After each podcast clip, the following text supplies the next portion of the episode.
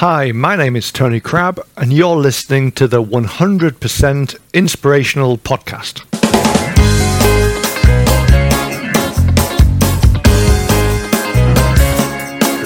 Hey, wat goed dat je luistert. Hij staat weer voor je klaar. Je wekelijkse dosis inspiratie is weer daar.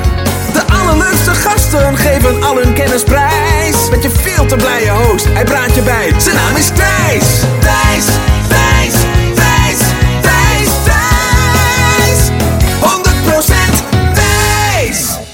Welkom bij aflevering Intens 74.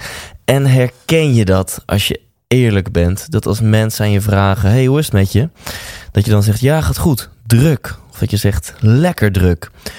Of überhaupt dat je tegen jezelf zegt in je hoofd: Fuck, deze week is wel weer druk. Vandaag is wel weer druk. Had ik maar een avondje vrij. Had ik maar wat minder dingen op mijn to-do-lijst staan. Ik herken dit maar al te goed. In elk geval, ik heb het voor mezelf verboden om uh, als antwoord te geven dat het druk met mij gaat. Dat doe ik niet. Maar ik, uh, ik doe natuurlijk veel dingen. Ik heb deze podcast. Ik heb mijn theatershow waar ik achter de schermen weer uh, mee aan de slag ben. Ik heb een, uh, een bedrijf, een, een consultancybedrijf in CO2-reductie, een stichting, een kerstactie waar ik weer volop mee bezig ben. En um, ja, dat, dat, dat geeft nogal een druk leven. En ik ken de wetten van, van time management. Of laat ik zo zeggen, ik weet ook dat time management eigenlijk helemaal niet bestaat. Maar je kan wel kijken naar hoe kan ik betere resultaten behalen? Hoe kan ik mijn tijd productiever indelen? Ik ken de tips van Timothy Ferris. Die zegt, nou, begin s ochtends niet met je mailbox, maar begin gewoon meteen met een to-do'tje waar je het meest tegenop kijkt. Dat je, dat je eigenlijk je dag begint met jouw agenda in plaats van de agenda van anderen. Want ja, je inbox is dat natuurlijk per definitie. Ik heb ook een 20 CD programma van Tony Robbins gevolgd. En dat heet serieus Results Focused, Purpose Driven, Massive Action Planning, RPM. En um, ik moet heel eerlijk zeggen, dit is een gebiedje van mijn leven.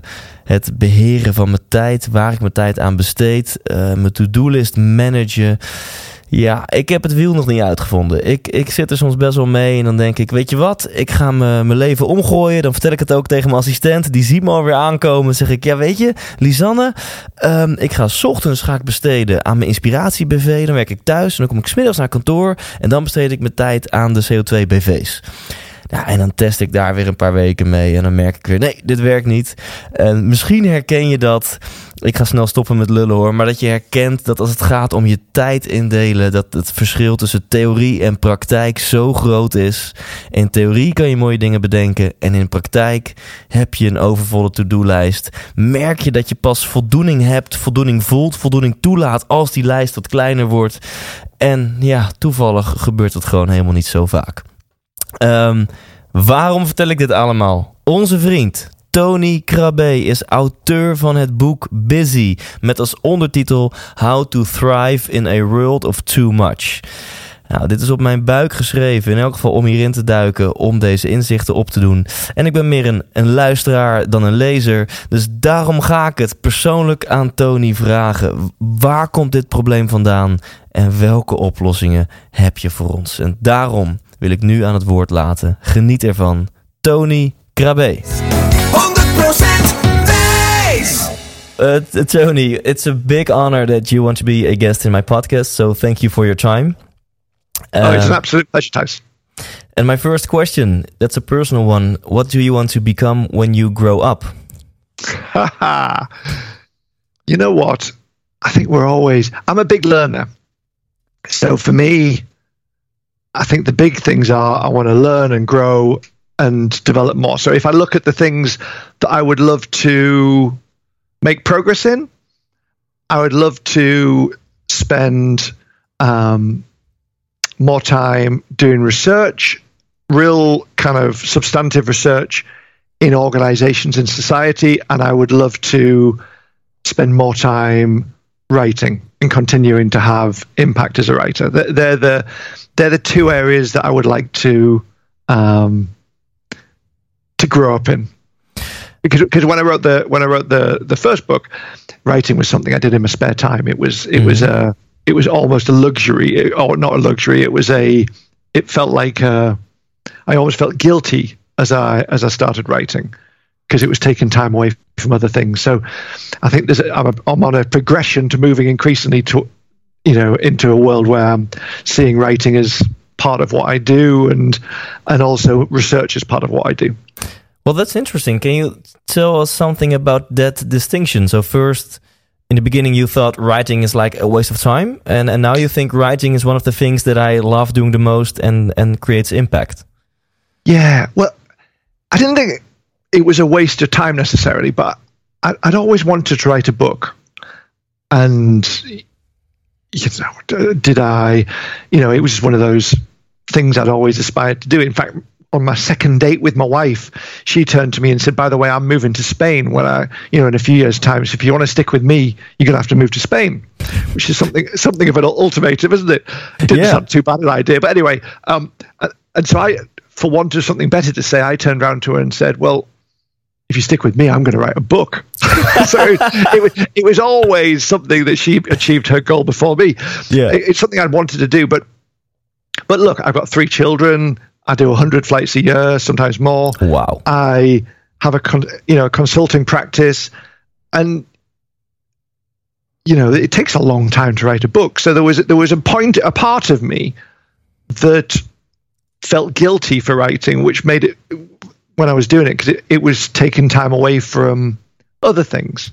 Yeah, and and of course I had no expectation that the book was going to sell very many. I, my, my, goal for writing the book, from a, any kind of commercial sense, was to sell enough copies that the publishers wouldn't mind doing a second book with me. And um, so there wasn't, uh, it wasn't like uh, you know, I was a bit of an unknown at the time I wrote the book first. So, so yeah, it was. It, it was clearly something I knew was important to me personally, and knew, something my wife knew was important to me. But because it wasn't a, a commercial venture, or it wasn't something that I could do with my children, yeah, it did feel somewhat self-indulgent at times. And um, when I look at the answer that you you give on this question, can I conclude that when you are researching, writing, uh, are you more in the zone at those activities than when you are on stage doing a keynote? Um, I don't think I'd frame the I'd frame it quite that way. The I think I'm probably pretty in the zone when I'm on stage doing a keynote. And one of the reasons actually I, I deliberately when I do my keynotes I stopped using slides is because that helps me to stay much more in the zone because um, I, what I found when I use slides too much is I was then telling the same repeat story over and over. Yeah. Um, and what I find when I don't use slides is I'm more fluid. I'm more effectively I'm creating in the moment. I mean, clearly there are structures and there are stories yeah. I've told, etc. But but there's a greater fluidity to it that keeps me more in the zone, and actually I connect better with the audience. Then, I think when it comes to writing, I mean, the year I wrote the book was was a crazy year for a number of reasons. You know, particularly um, on a worksite. My consulting practice had increased by 50% that year, and and I was doing a lot of traveling. And so I'd often approach the writing quite tired. Um, it was it was an extra thing on top. And what I would find is persistently, I would find if I look back over that year, the times that were that I felt most um, what what's the right word? Most like I was doing the thing that I was meant to be doing in life. Yeah. Was when I was writing. I, I, it kind of it felt like that was. I think when I write, and when I'm, it, it feels that that's the thing of all the things I do that that stretches me to my absolute limit the most. And maybe some of my listeners think now, okay, that's interesting. He he has 100 flights a year. He he writes books. This guy is super successful. But what does he write about? Well, your your topic is maybe this is not the way you would describe it, or not like time management, more like life management. Your book is called Busy: How to Thrive in a World of Too Much. Um, I think all my listeners can relate to this problem. So I'm really curious. Uh, you weren't born as a expert at this area. So what happened in your life uh, maybe uh, a situation that, that, that you thought this is an interesting topic and I'm going to uh, spend a lifetime about becoming an expert on this topic? Mm. Well, the so there are small things and there are bigger things. So there, I mean, I remember being on one tube in London, and within a few minutes, I heard about seven different people use the word busy. Yeah. And that seemed curious to me. I remember I, I am uh, in the early days of flying, oh, sorry, in the early days of kind of mobile phones, or not so much mobile phones, but smartphones, I was terribly curious about how eager everyone is or desperate even they were to have the phone switched on as soon as they landed, as if it said something about their self worth or identity. Um, so, so questions like that triggered me and thought were just curious as a topic. Um, as a consultant, I get hired for many different things, and but what I found interesting is almost every conversation, whether it was about strategy with leadership teams, whether it was about culture change, whether it was about, you know, the leadership development of of of managers, they all seem to gravitate back to this central thing, which seemed to be overload, yeah, uh, pressure, um, busyness, for the sake of argument, yeah. and and when I looked at this topic, and then also I just felt I wasn't achieving as much as I wanted as as an individual. I thought I could be a better dad, I could be a better husband. There were things that I was dissatisfied with because, look, I live in Spain, I work internationally, um, I love technology, so I get hooked by these things too. So I could see things in my life that weren't working well. So as a as a psychologist, my natural thing that I do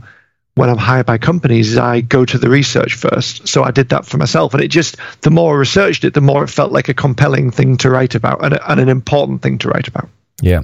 And what, can you tell us, what is the problem? Well, look, the problem is that we're, the level of activity that we're doing, the level of distraction that we have, the level of noise in our life, the level of information that we're facing is not really what the brain's designed for.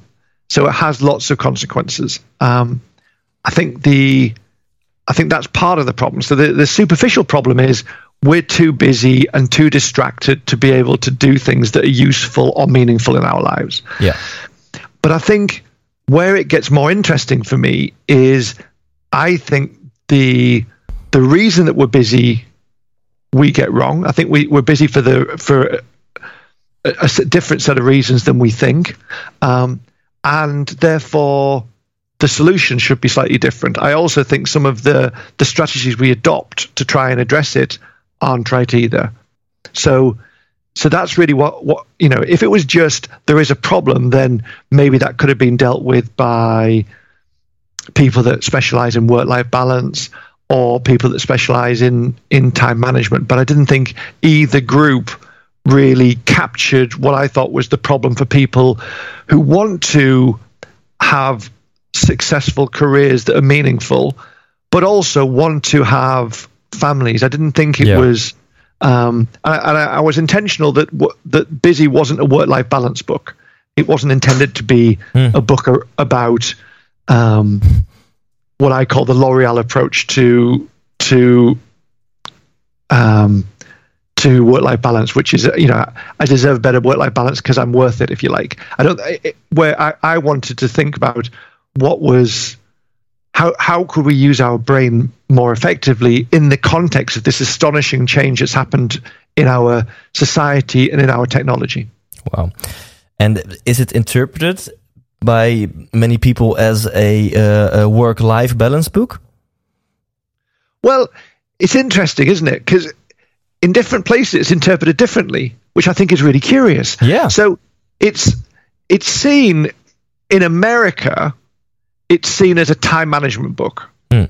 even though there's a whole chapter that says time management's making our lives worse. Um, yeah. The um, in in other parts of the world, so in in the um, in the Far East, it's more seen as a life as a life balance book. So in Korea, it, it, seemed to do terribly well in Korea, and it was positioned very strongly as a work-life balance book. Um, I think in in the Netherlands, it's I think it's it, the, the publisher's done a super job, and it's it's perceived more as I intended, which is a um, something which is about trying to find a kind of an overall way of thinking about work and demand and communication and technology in a way that's fruitful, Yeah. um, which is what I intended. so it's a book about success and it's a book about happiness. Great. well, th- th- that sounds good to me and my listeners. So you uh, you say the this, the superficial problem is we're distracted all the time by social media, by our phones, uh, huge ass to do lists, uh, stress, so many things to do, but not enough time. Well, I think everyone can relate to these superficial problems. Um, but if these problems are superficial, what is the real problem underneath? Well, look, I don't think they're necessarily superficial. They're, big problems, but I think the the superficial interpretation we have is we think that we're busy because there's too much to do. Yeah. Because because there is too much noise, too much information, too much demand, and the the stat I often give is, you know, IBM estimate that the you know the complete knowledge of the world, which du- which has historically doubled every hundred years, will soon be doubling every eleven hours, and and so we get into this kind of huge amount of information and demand, and also expectation. We see we see what friends are doing on Facebook, and we we think. Oh, I want to do that. So we kind of drive ourselves into not just at work, but these hyper competitive cycles of activity at, at weekends. Did you do a marathon this weekend? Oh, I did too. It, it, you know, we, we, you know, we have these ever more, you know, extreme holidays, and so there's a whole pile of activity that drives us in all kinds of areas. But I think the the superficial interpretation, the interpretation that most people have is I'm busy because there is too much to do. Yeah. Um, whereas I think there are different reasons. I think um, the first reason is deep down, we believe busy equals success. We've been trained to believe that, you know, ever since the industrial age, we thought more is self-evidently a good thing more activity more production and i guess also more things more objects more money. All, these things we get trained to believe are self-evidently good things. And so therefore um, busy deep down we believe is a sign of well we must be important because the world needs us to do so much. And so many people are communicating with us. So so when we meet someone and they say how are you? and we say well i'm busy uh, we don't just say i'm busy we sell it to them don't we? We Yeah. we brag about it. Yeah. you know have you ever noticed that that nobody um however busy you are you've always got time to tell people in great detail how busy you are? You know we, we make time for that. So that's the first thing. It's a brand. Busy's become the biggest brand on the planet. Yeah. the the the second piece is there is an addictive nature to a lot of these technologies that uh, I think busy has become a bad habit Yeah. and um, you know the the example I often give there is they put people in an empty room and they said you got nothing to do for 15 minutes. Um, but you can electrocute yourself, and most people chose to electrocute themselves rather than be left with nothing to do. We kind of Wow. we're, we're hooked on this world of hyperstimulation. So when- when we're sitting at a bus shelter, the natural thing we do is reach for our phone. The natural, so we fill every moment. We, you know, most Americans, for example, take their phone to the toilet. Um, again, one of the one of the moments that I kind of thought this is interesting is that this is probably not a good story to tell, but I went into I was in a conference in the states about seven years ago, and I went into the toilet and, and there were seven men at the urinals. Everyone was holding their phone in one hand. Apart from hygiene, um, that just seemed wrong from so many levels. And there's never been a generation in the history of the world that's had less time alone with its brain Yeah. than this generation. And our problems are more complex. And then the third thing, I think actually, you know what? Busy is just easier in almost every way. It's easier to be reactive, to react to stuff that's coming, because you don't need to. Um, you've always got the excuse. You've always got the excuse. Well, I'm busy. You know, if that was a bit rubbish, it's because I'm busy. If if I can't make it, it's because I'm busy. As opposed to making proper choices. But of course, one of the things that's most strongly correlated to our resilience uh, and our ability to cope with demand and pressure is our sense of control in our life. And when we take this line of, well, I haven't really got a choice, this kind of learned helplessness, I call it, Yeah. um, which is is trying to say, well, I'm busy because there's too much. to do. I haven't got a choice. It's the managers, it's the organization, it's the the family. These are the things I have to be busy. Um, a, it gives us an opt out. It's, somehow it's not our our fault that we're busy, but the consequence psychologically of that's quite significant. It means we we actually become more vulnerable to stress. So, um, so yeah. So I think the bigger reasons we're busy are that it's that it's a brand, it's a it's a habit, and it's the easier choice. Yes. So, so if you look a, a couple of levels deeper, if you look for the the why, then people are busy all the time because they want to feel important. They want to be important. And Yeah, and it depends how deep you want to go, Thijs, because I, I um one of the if I really think about it, there's a lot, lot of increasing research around um, emptiness, a lack of meaning in modern life. Now we can you can trace that to whatever. One of the, one of the things has been the taskification of work. You know, work post the second industrial revolution has been relatively task-like. Um, you could argue that a lot of us have chased success. I, I come across any number of folk that um, I knew at university who were super cool at university, and I meet them now, age coming on to fifty, and they're the corporate walking dead Hmm. Because they spent their life chasing success yeah, as a cho- as opposed to chasing things that matter to them, and they just get bored. So all they can do in, in the bar in the evening is talk about pension plans, retirement plans, which just seems wrong, wrong.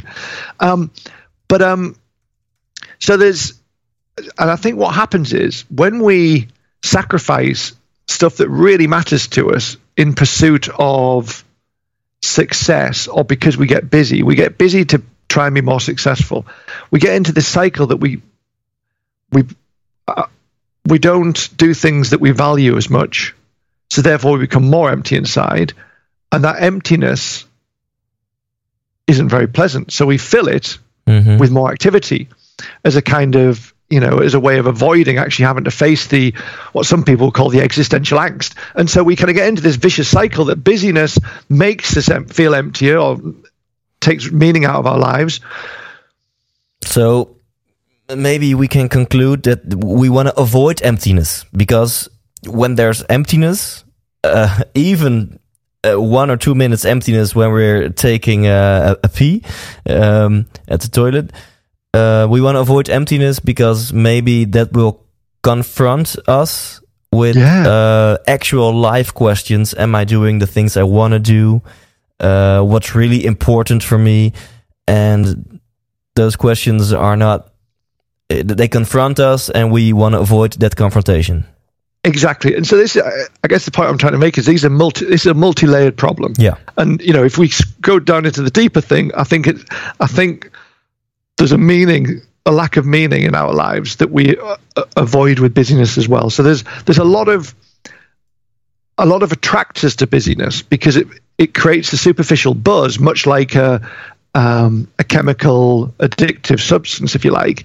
Um, uh, and we know there's there's dopamine etc released. So these are these are things that give us a short term buzz and and help us to forget what's going on in our lives at the moment but but they also therefore become addictive and and actually stop us confronting the lack of meaning in our lives. Yeah so um, we have never had a time uh, uh, in this world where, where people have so few alone time with their brain. It's like yeah. distraction all the time. Uh, and we discussed about that it sounds really cool to say i'm uh, hey man what's up? Yeah man i'm busy. It sounds really cool Yeah. but actually it's just a poor excuse.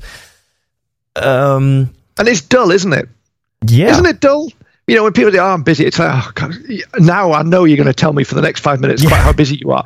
It's just, it, it, it, look, for God's sake, let's just let's have more interesting con- conversations. it's not inspiring at all No, Yeah. So, um, do you have any idea? Maybe one more question about the why, and then let's let's go into the the insights and the tips and tricks and the bite-sized chunks to uh, to kill this problem.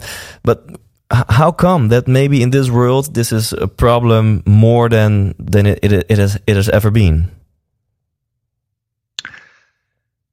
look, there's a very long answer to that, and there's a much shorter answer. I think the short answer is the big thing that's changed, and I think the big thing that's changed has has been the arrival of um, technology that has disrupted fundamental psychological processes. So, you know, there's there's a big thing called the productivity gap, which is the confusion that we are it, that productivity hasn't really increased in the Western world since 2008. Um, while there's been astonishing increases in technology. So typically they, the two go hand in hand. As technology improves, increases our productive capacity or potential, the amount of productivity also goes up. But but for the first time really in history since 2008, those two curves have completely split. Um, and that's become a confusing thing, and there's many theories for that. But one of the theories I think is quite compelling is that's when the iPhone came out. Um, and I don't think that's the only answer. I, I just think that's, but but if you look at the things like phones, they they have really disrupted the way we communicate, mm-hmm. the way we think, the way we reflect, um, the amount of downtime.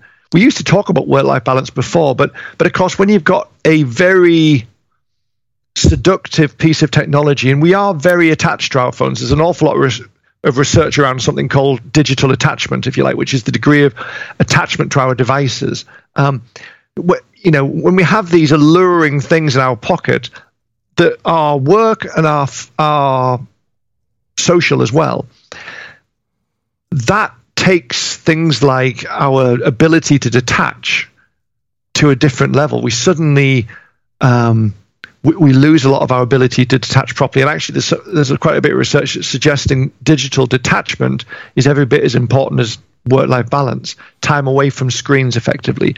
Um, so I think technology has really changed things, and I think the the second aspect of technology is, I think why this topic is so compelling for me. It wouldn't be anywhere near as compelling if it was just, isn't it awful? Isn't it awful that all, that we're so busy? Isn't it awful from a personality, from a from a lifestyle perspective? Isn't it awful from a work perspective? I think why it's compelling for me is the challenges we have in our very near and medium term future requ- require great big great big chunks of attention. They're going to require our best thinking. They're going to require our deepest, richest conversations and meetings where we really get into fantastic debate they're going to require creativity of a level that we've never really um, done before. And our organizations are relatively machine like historically. And then when you layer on that, this kind of level of technological distraction, it becomes a an important issue to address. Yeah. Does technology keep us from having a connection with ourselves? Maybe. Yeah, but it, look, we're sitting here. You're in the Netherlands. I'm in Spain. I work. I live in Spain. I love living in Spain, and I have no clients in Spain. I'm a huge fan of technology. I, I love technology. It's a massive enabler. So it's not technology that stops us. I think. I think it's our relationship to technology. I think it's our the fact that we've allowed technology to be relatively deterministic over over our lives because our phones come out and from a default setting that they have notifiers switched on for this for you know as one simplistic example. Um, we therefore leave the notifiers on and therefore we allow the technology to distract us and interrupt our our thought process. So it's it's not so much technology itself it's our relationship with technology that that is problematic. And i don't think we've given enough thought to how do we therefore how do we sensibly harness the capabilities of this technology to help me to do my best thinking. Yeah. um, you know it's uh, you know it, it, let's take even a, a, more futuristic example artificial intelligence you know so many people think artificial intelligence will mean humans have no jobs because they're going to take you know robots and artificial intelligence are going to take jobs away um, but I think there's an incredible opportunity if we're, if we're mindful about it to use artificial intelligence to enhance human capability to solve cancer to do amazing yeah. things so they could diminish us or they could really enhance us. And it's all about do we do we retain mastery of technology and use it as a tool to achieve the things that are meaningful in our lives? Or do we become ever more distracted and addicted to these things yeah. and to the the lower functionality of them? And then one more question before I want to ask you about some concrete pieces of advice uh, life is so much more uh, than only your career, success, achievement. I mean, that, that's only one part of your life. Life is yes. also about health, about relations, uh, about uh, your social life, about uh, spirituality, about giving, about every. So, how come do you think? How come that so many people have like a, a, a laser sharp focus only? On their career. And um, yeah. as you just described, one of your classmates from from from from your school, he's only now focused on business and stuff. Um, so so life is much more than only career success achievement. How come we we focus only on that area? Um, again, it's a great question, Thijs. Um, and there's big big answers and small answers. Uh, if I go for some of the smaller ones even just so one of the most famous psychology books ever is called Flow by um, uh, Mihaly Csikszentmihalyi. It's a terrible name to pronounce, by the way. Um, the um, and and one of the surprising found, findings he made there was if if we count flow experiences, which are these moments of intense immersion in what we're doing, so he would call them optimal experiences, and um, and if that if if one of the the most central aspects of happiness is when we're in a flow state mm-hmm. he found that we're far more likely to be in a flow state when we're at work than when we're at home mm. part part of why our leisure isn't very compelling to us and why we naturally gravitate towards work is without realizing it work gives us more challenge we're actually rubbish at doing leisure um, you know we know that the average psychological state watching tv is mildly depressed and yet we do it. Wow. On top of that, uh, yeah, and on top of that, 80% of, of us are multitasking while watching TV. And we know multitasking while watching or media multitasking in, in the evening is linked to higher levels of anxiety and depression. Wow. Um, so we're kind of, so, so then in that context, we, there is a degree to which we gravitate. I think, but I think, you know, we're also, we're fed this belief through a whole pile of channels that somehow we will be happier if we are more beautiful, if we are more rich, if we're more successful. And so it becomes um, so so that becomes the thing that we think I will be happy when I achieve this, when I get that, as opposed to I'm happy or how do I get happiness? And we actually know from research that that the biggest thing that determines how happy we are and how long we live, etc., is the quality of our close relationships. Um, but somehow we've learned to prioritize success over those kind of things. And I think, you know, look, I, I think there is there was a term that came in. Um, oh, I think it was invented a little, a little while ago called cons- conspicuous consumption, and we've we somehow got hooked in this idea that we value things that are visible.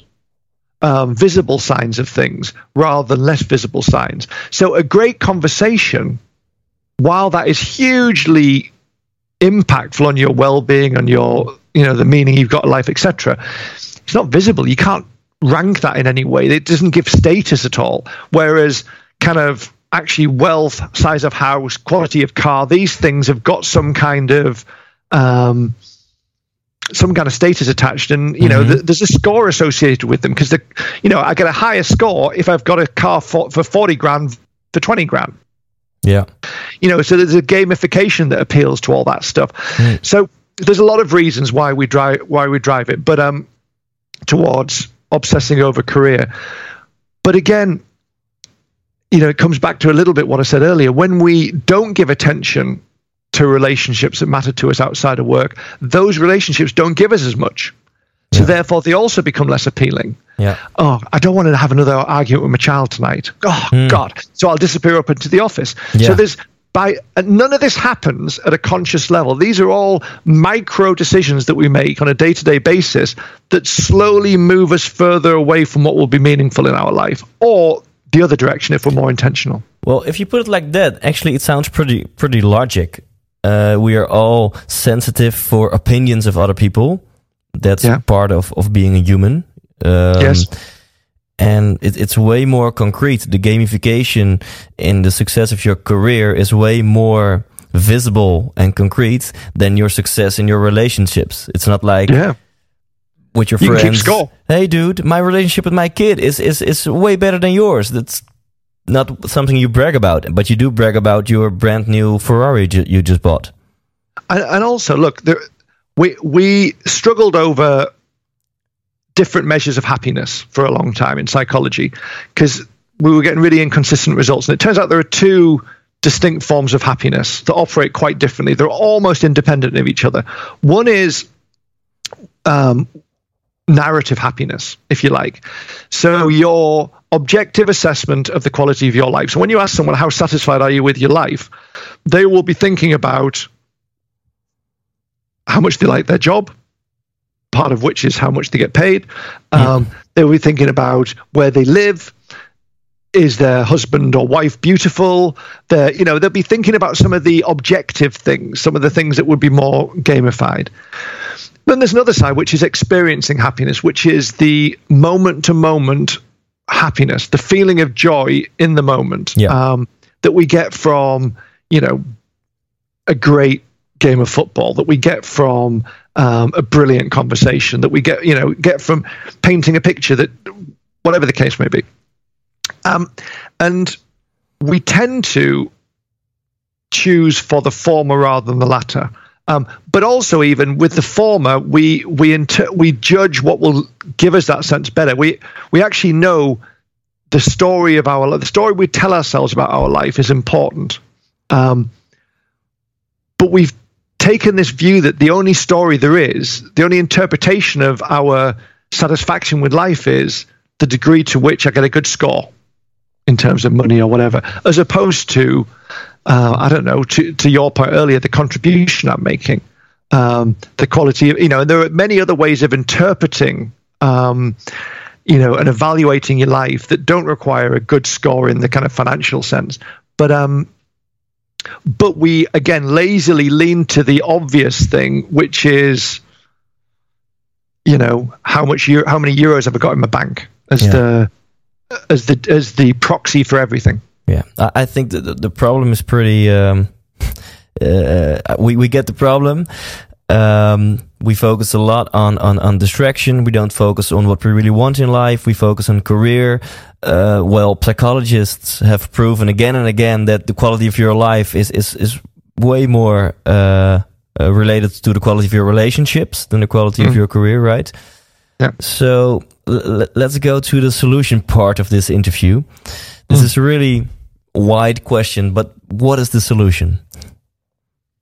Well, look, there are, in my view, there are.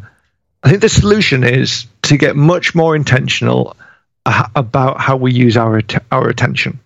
Um, I think it's all about attention, um, and which is why I said the, the book's an anti-time management book because I think time management asks the wrong fundamental question. Yeah. Time management looks at time as a resource, um, whereas I think to look, time matters, but I think the thing that matters more is the quality of our attention. And and just to give one simple example, the value of a, of an hour at six o'clock in the evening is fundamentally different from an intellectual perspective to a value of an hour at nine o'clock in the morning. These are not equatable things when it comes to, you know, the brain operates differently. The you know there are different kinds of things that we might achieve in those times. So actually asking the question, how do I get the best of my attention? You know, to um, to think better, to create better, to have better conversations, better connections with the people or on the problems that matter to me. That that's the big thing. So I think we manage attention in three big ways. I think the first way is to get much better at focusing our attention. The second way is get much better on a daily basis at managing that attention, um, which is sort of better habits. And then the third way is get better at kind of um, looking at the energy capacity, so managing your energy capacity and recharging yourself, if you like. So, just to give a few examples. Yeah. Um, so, the first piece around focusing your attention, that's all about making choices um, and being much more intentional. So, um, so for example, we know the standard question the brain asks when making choices is a brain that works really well if there is scarcity. Um, so if there isn't enough of anything, and it's a question which is basically whether or not do you know. So you look at something and think, do I want this? And, and that's that's a great question. If there isn't, if you've got lots of spare capacity, um, but the problem is when you ask that question, when you've got thousands of things that you could do, um, or, th- or even thousands of things you could eat, the answer you normally get to "Do I want this? Do I want to do this?" is yes. Should I, do I want to take up kite surfing? Yeah. Yeah. Do I, do I want to sign my child up for that other after school activity? Yeah. Yeah. Because these are all self evidently good things. Do I want to go to that meeting? Yeah. Um, So that's a poor question. The question, do a- I want to do it's a- this? it's a dumb question. Is, Thank you. is that a good thing?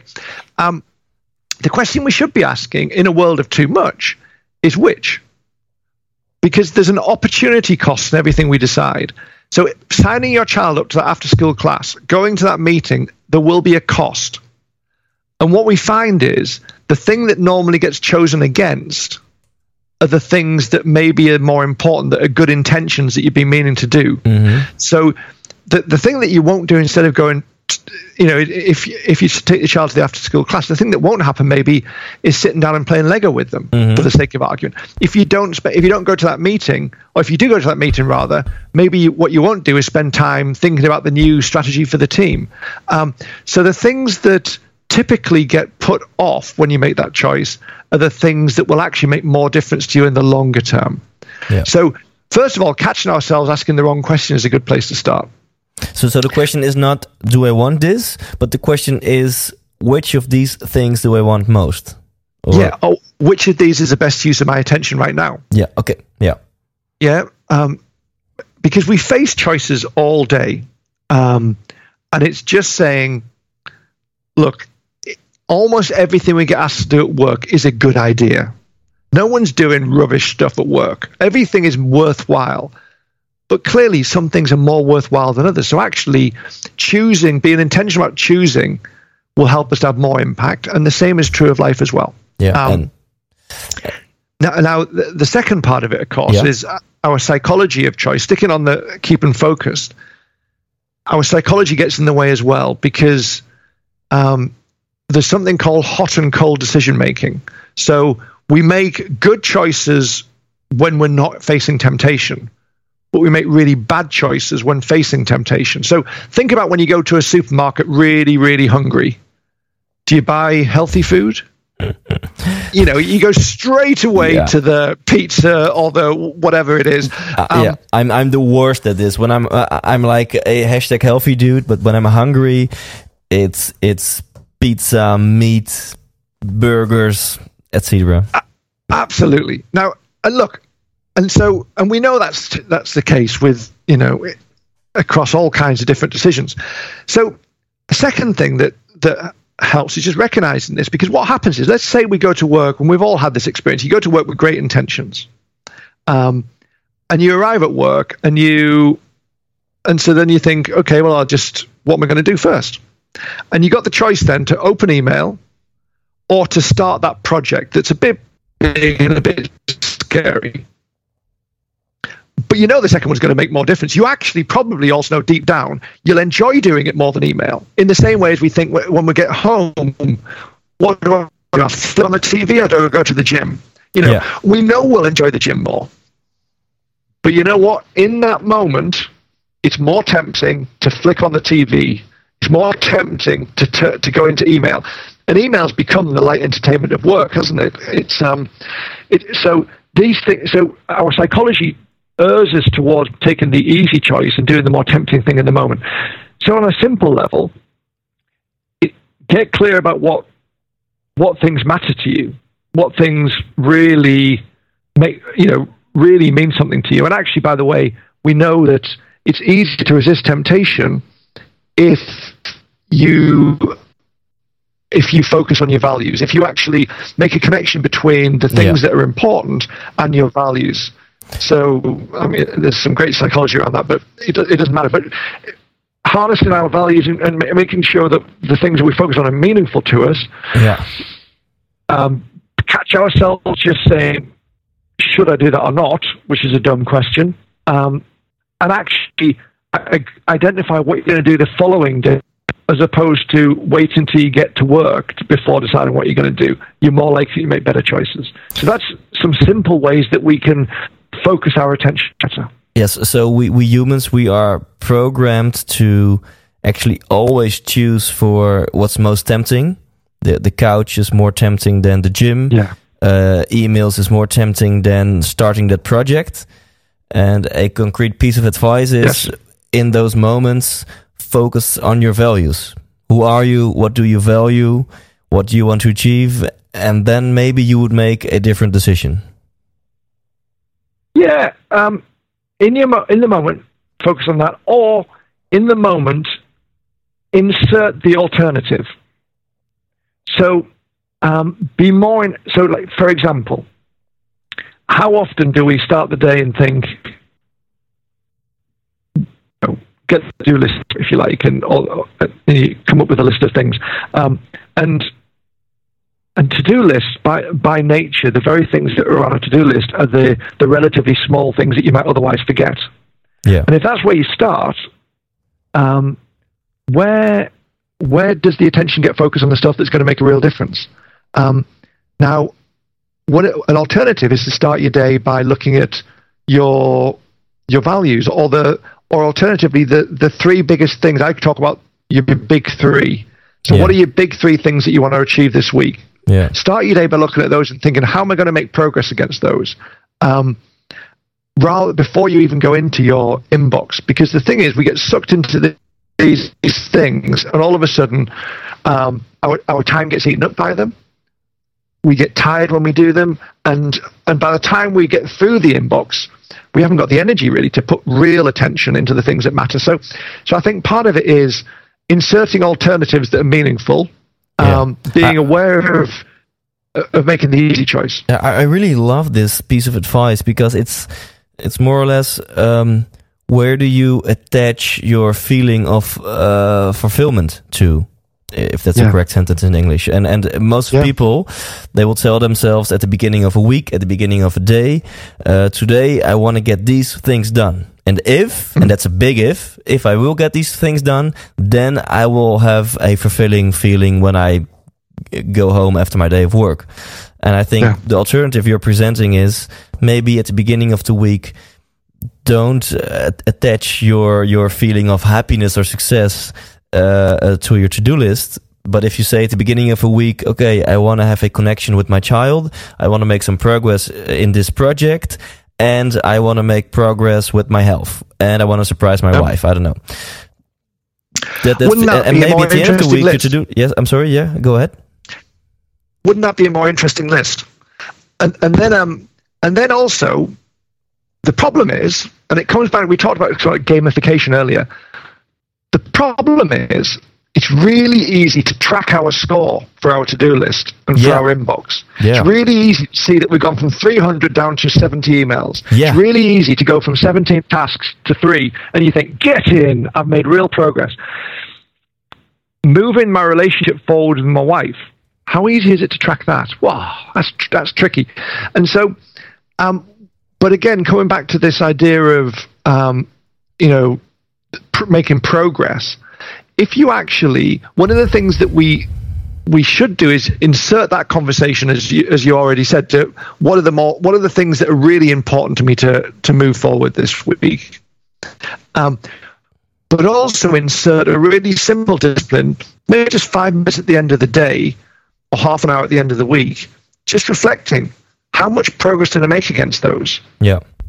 you know, just you know, what does it do that move me forward? So we know, for example, that sense of progress on those things does make a big difference. So that can be useful. Also, another little tip is why not come up with a to don't list? why not have why not have a list at the start of the week, which is all the things I don't want to do? For goodness' sake, let me stop doing this, and and maybe that would be also something. I, I think we can be quite playful here. I don't think. Yeah. I think the thing about you know these tips is you know different things work with different people. This is a quite a kind of a complex um, phenomenon that has different motivational elements for different people. So I think what we have to, the way to resolve it isn't to follow any of Tony Crabbe's perfect, you know, this is the three things that you do and your life is perfect. That's clearly not the case. Um, what I, what I encourage people to do though is, okay, use research to indicate what's likely to help, but then be playful with it. Try different things.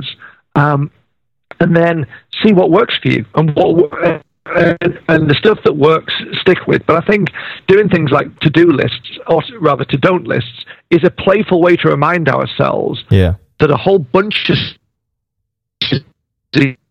easy actually stops us from doing going to make a difference. Yeah, so if we could just find 30 minutes each week to ask ourselves a question what are some results I want to achieve this week?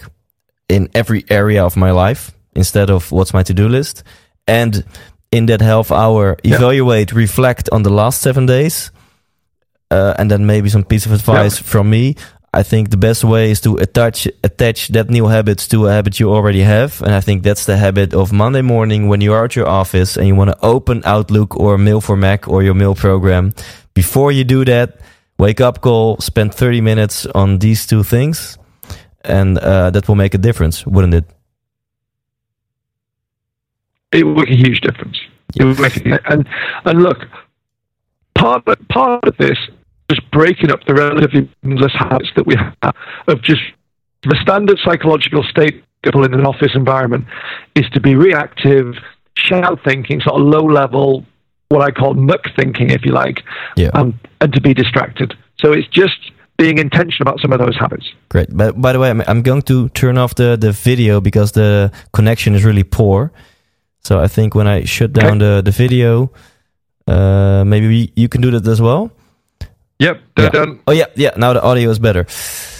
Um, unfortunately, I cannot look at your face anymore. But but we're good at the uh, last few minutes of this interview, I think. So th- th- uh, I can this is really some inspiring piece of advice for me, and I'm sure also for my listeners. Can you elaborate more on this? So this is one one one one bite-sized chunk we can all apply in our lives. Do you have more? Yeah, yeah. So so I think there's one thing which is being clear on what matters. I think you know it's then important to have some some good daily habits that help. So uh, we stray slightly into this topic, but I think. Um, I think one of the things I'd say is that you know, we don't. The real concentration doesn't happen by the. If you think about all of the the best moments, either at work or at home, mm-hmm. that really mattered, it was all when we immersed our attention completely with con- complete concentration onto a conversation, yeah. onto a task. Happened by chance. Um, I, I, had a, a chief executive I was working with recently who who said, "Look, I'm increasingly finding it harder to concentrate in anything, but it, it shows itself most strongly in meetings. How do I concentrate better? How do I focus and stop off to people. And that's partly because our ability to concentrate is like a muscle, and we're not mm-hmm. necessarily mm-hmm. exercising it enough. Now, we know the thing that, that helps us to get into that state often is challenge. And we touched on this earlier. So we can deliberately increase the challenge in some of the tasks we want and therefore help us to concentrate better. So one of the things I encouraged her to do was mm-hmm. to give herself a challenge going into each meeting. Now she was someone who who was particularly good at building clarity. That was, that was one of her things. She was good at helping people get to clarity. So I said, look, just challenge yourself before you go into any key meetings with the goal not just that you want to deliver the results of the meeting, but you want people in the meeting to gain real clarity. So give you that. So effectively, make the the meeting more difficult for yourself. Um, and she found it really helpful as a way of really helping her concentrate more. I find it when I'm doing a proposal, which I don't really get that mm-hmm. by. I help myself get more concentrated by saying, how can I make this proposal surprising? And I'll mm-hmm. tie myself in knots to try and come up with an angle that just makes it interesting or surprising. But really, what that's doing is it's making me engage and really concentrate on the thing rather than just execute it on a superficial level. So I think we can be better at that. And also, if you look at how many people are working in open plan offices, they'll sit there and they'll sit at the same desk the whole day to yeah. do all kinds of tasks. Well, that's dumb, isn't it? Because, you know, look, if we want to really, really concentrate on something, the last thing we need is to be in an open plan environment with loads of distractions going on. But yet people don't take any responsibility for thinking. They they somehow just blame the environment. So I would say at the times when you need to oh look, we don't need to deeply, deeply, deeply think every minute of the day. But you know, a couple of hours would be good, wouldn't it? And, yeah. and so at those times, go and find a space where you can get the conditions that will allow you to concentrate. If that's with headphones on, um, playing white noise, if it's to go to a meeting room, if it's to go to a local coffee shop where you can really switch off from everything. And we know, for example, people are less distracted by background noise in a coffee shop than they are in their office environment. So the you know, vote with your feet. Find a place that helps you to do it. And the right time. I worked with one set, one publishing house, and all of their editors did no editing during office hours. Now that's madness. Hmm. Psychologically, where our brain is, you know, pretty exhausted by the end of the day, and our ability to concentrate deeply is much less at the end of the day. Incidentally, we're better at being creative often at the end of the day for the same reason, because the brain's self control to hold something on, you know, to hold the you know the focus on a single thing is less so it makes more it moves around more often and therefore makes more creative connections so you know but so if you want to be creative sometimes but you know put those into the afternoon but if you want to really concentrate on something that like these editors did they needed to find a different way of doing it so what they did which is a really simple thing they converted some of their meeting rooms into libraries yeah. um, so you can imagine a bookie person going into a library instantly it signals to them I need to be concentrated now. Um, so we can do simple things that, but I guess I would say take responsibility for finding how you concentrate. And also, look, how often do you go to restaurants and you see couples out for dinner and they spend half of the meal with a phone on the table, or, mm-hmm. all glancing at the phone all yeah. the time, and every, yeah. and every now and then, out of politeness, they'll show each other what's on their screen. that that's not a conversation. I mean, I, yeah. I, feel like going up to them and and, uh, and you know and whisper in one of, one of their ears and say, Do you want to just turn to the other person and say, Am I not enough for you? Am yeah. I not stimulating enough for you that you have to supplement um, our conversation with that with those other things? Um.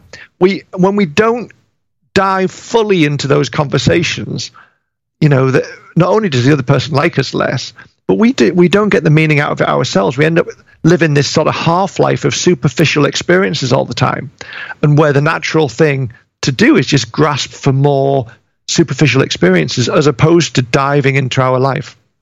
And actually, we're now talking about this this topic, the subject, for almost one hour, and the solution sounds pretty simple, but it's also very hard. The, the simple part is that the only thing we have to do is change a few patterns we have developed in our society, in our own lives. The pattern of focusing on to dos, the pattern of sitting behind the same desk every day without any creativity, uh, etc. So we have to change a few patterns, uh, the way how we think, the way how we plan, the way how we uh, uh think we have a fulfilling day or week.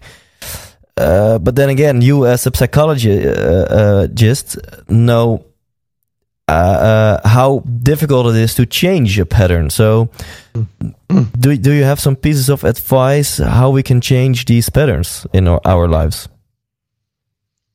Yeah, look, I think the starting point is we have to honestly acknowledge that we're part of the problem. I think for as long as we're thinking we're busy because of other people, because of our organizations, because of the world, um, no change can happen. So the starting point is believing genuinely that you can do something about this. Um, now, then the next piece is be super clear about the change you want to make first. So we know the research suggests that the clearer we are, the more specific we are about the behavior we want to apply, the more likely it is to to stick. So choose one thing. Don't try and change everything. Choose one thing that you want to put in place, one habit, one one behavior that you think will make a difference. Mm-hmm. And then when that sticks, build on it. And then you touched on it earlier with habits. The it, it's much easier to establish a new habit um, when it's linked to other habits, which is why I quite often talk about the you know the morning because if you look at a lot of people that have been like great writers, great scientists, many of them had very structured morning habits, mm-hmm. rituals, even. Yeah. Um, because it's relatively straightforward in the morning bef- to establish rituals and patterns that just become self-sustaining habits. It's harder actually in the end, towards the end of the day when there are just the life life gets in the way. There are more variables at stake. So. Um, but attaching a new behavior that you want to attach to existing ha- uh, habits or patterns, or establishing a morning routine that will help you to bring the focus on the stuff that matters, is really really helpful. Um, and then, and then what what I would say is, if you've found, and I, I often work with people who say, look, I kind of know busy is bad, and look, I know it's you know partly my fault and I know what I should do. And yet, time and time and time and time and time again, I don't make progress. Why? And what I find is if people persistently can't make changes, there are, it, it then means that the reason they, they can't make change isn't because they don't have the solution, it's because of their emotions. Um, and I think that there are four big emotions that I come across most commonly that seem to get in the way of people making the changes around busyness that that will make a difference. The first is perfectionism.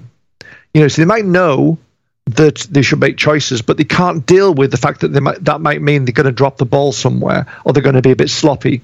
Um, mm-hmm. And so, you know, first one's perfectionism. Second one is pleasing people. Part of what drives busyness is the desire um, to be recognized by other people all the time. So to constantly want to um, respond to what other people are asking us, but that drives us into, into, a cycle of reactivity, which is is unhelpful. So even if they want to become less busy, if if you know one of their core emotions is keeping people happy, that can stop them making changes. The third one is pleasure, and we sort of touched on this a little bit. That you know, if you're the kind of person that says, "Oh, I'm not in the mood for that," a lot. Um, not in the mood for that work, then it, you're probably someone that's a bit driven by the pleasure principle. Um, and then the fourth one is prevention, fear.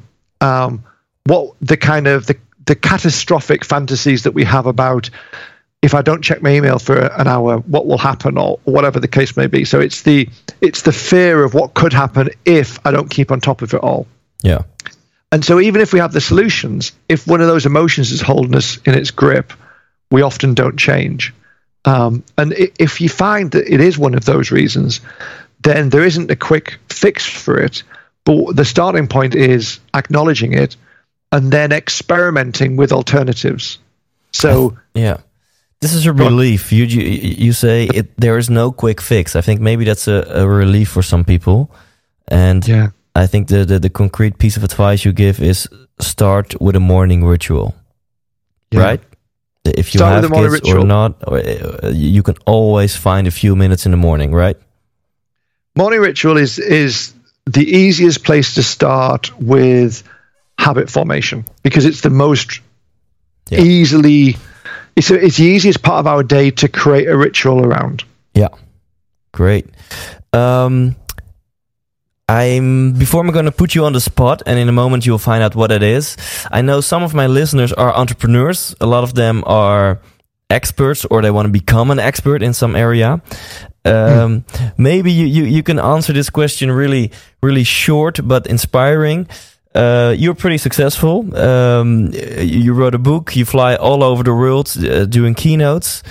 Um, can you maybe tell us something about the, the, the, secrets of your own success. How did you become the, the world's maybe the world's leading expert in this area?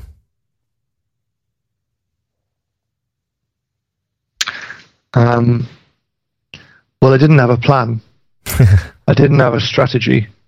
Um, the, the- and I didn't have a vision, to be honest. Um, I think I was just really interested. You know, the at the end of the day, I I did something that I fell in love with psychology um, many years ago, and then I sort of lost it for a while because I was I got involved in well a whole pile of projects to to pay the bills and all the rest of it, and then after a while I I started you know I thought started refocusing on my psychology and and how do I bring that in an interesting way more into all the client interventions I was doing, and and then I came across this topic, and, and I just I, I was just really interested in it, and so I I followed my passion. I know that's a stupid thing to, to say, but but it, it there was no there was no secret uh, you know secret plan. I, I actually was somewhat surprised when the book came out that um, a that any, anyone was interested, and um, well, not I'd hope people would be interested, but the scale of it.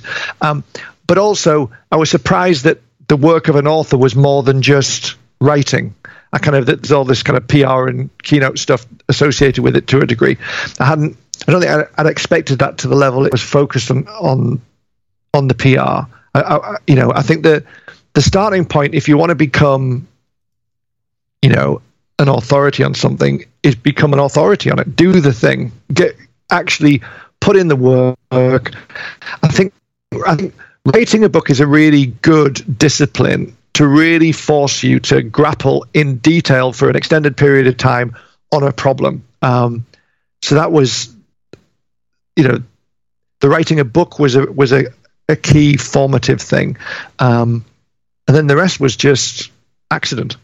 Uh, so, what I really like in in your answer is um, um, it's like how do you say it? Maybe it, it, it clarifies, or it maybe it's a relief for some people that you don't have to plan, you don't have to have a huge ambition. You just fall in love with what you want to do the most, and then the rest will will happen.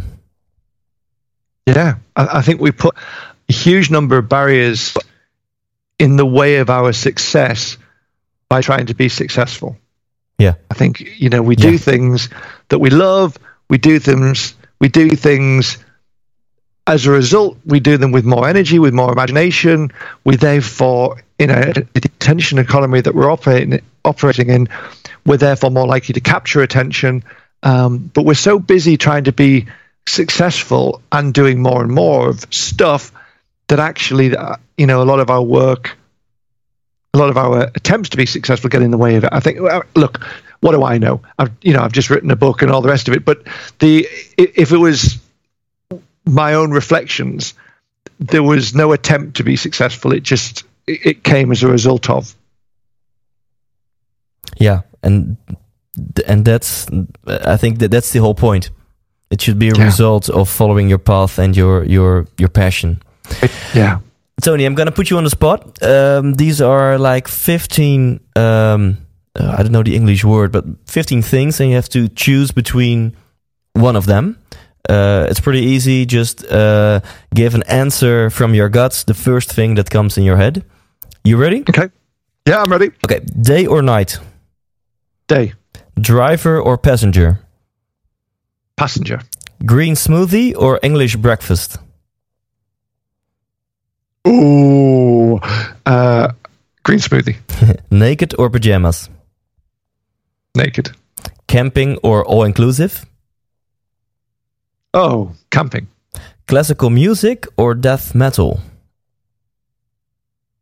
Metal. No more music or no more sex?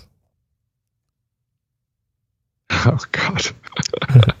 uh, no more music. Maldives or Iceland? Iceland. Cooking at home or going out for dinner? Out for dinner. A Monday morning yoga or Friday afternoon drink? Friday afternoon drink. Taking risks or playing it safe? Risks. Money makes you happy or money makes you unhappy? I think you probably know the answer to that. Um, latter. Richard Branson or Steve Jobs? Richard Branson. Book or podcast? Book. Justin Bieber or Justin Timberlake? what do I have an opinion on that? Justin Timberlake. uh, focus on the future or focus on the here and now? Here and now. Enjoying the process or enjoying the achievement?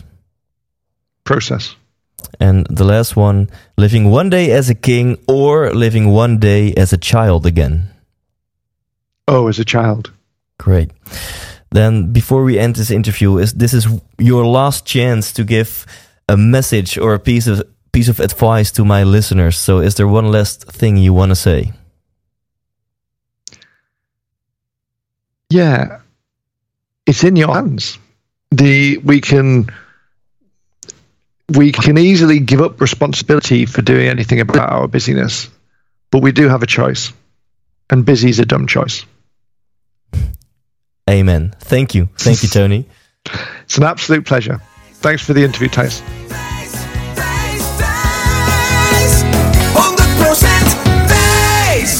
Bedankt, lieve luisteraar, voor het luisteren.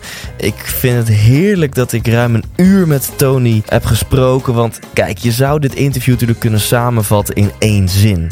In, uh, in één minuut. Maar wat je denk ik heb gemerkt, en ik sowieso, ik heb heel veel bewondering voor je als je dit hoort, want dat betekent dat je het interview hebt uitgeluisterd. Um, wat je denk ik heb gemerkt is dat naarmate we eigenlijk telkens weer hetzelfde herhalen en weer dieper op dit gebiedje van je leven ingaan, valt langzaam het kwartje dat je merkt, ja, ik moet gewoon een paar patronen door gaan breken. Ik moet gewoon een bepaalde mindshift in mijn hoofd gaan realiseren. Wanneer ik minder gefocust ben en mijn voldoening afmeet aan mijn to-do-lijst en hoe ver ik daarmee vorder en hoe vol mijn inbox is. Dat is gewoon een bepaald autisme wat natuurlijk helemaal nergens op slaat. Hè? Dat alles netjes opgeruimd moet zijn, lege to-do-lijst, lege inbox. Nou ja, ik kan je vertellen, dat heb je nooit. En dat je meer moet gaan kijken naar wat is nou belangrijk voor jou. Welke resultaten wil je behalen. En uh, laat je geluk alsjeblieft niet afhankelijk zijn van je to-do-lijst. Um, en het meest praktische wat Tony meegaf, wat ik absoluut en heel, heel veel mensen met mij kan beamen. Begin op zijn minst met ochtends een paar minuutjes voor jezelf. Vind je dit interessant en wil je Tony live bezig zien? Dan kan dat. Hij is op 16 november, dat is over een paar weken zo. Op donderdag 16 november is hij in Nederland. Daar kun je naartoe via inspirationalbites.nl. En hij is op vrijdag 2 februari 2018 is hij ook voor een eendaagse in Nederland. En daar kan je kaarten verkopen via denkproducties.nl. Uh, dit zijn trouwens geen gesponsorde berichten. Ik wil je gewoon even mededelen waar je kaarten kan kopen voor zijn volgende uh, shows, lezingen in Nederland. Bedankt voor het luisteren. Volgende week uh, ga ik weer hard mijn best voor je doen om weer een mooie gevarieerde aflevering voor je klaar te hebben staan. Voor nu, mediteer, maak het niet te druk in je leven en leef intens.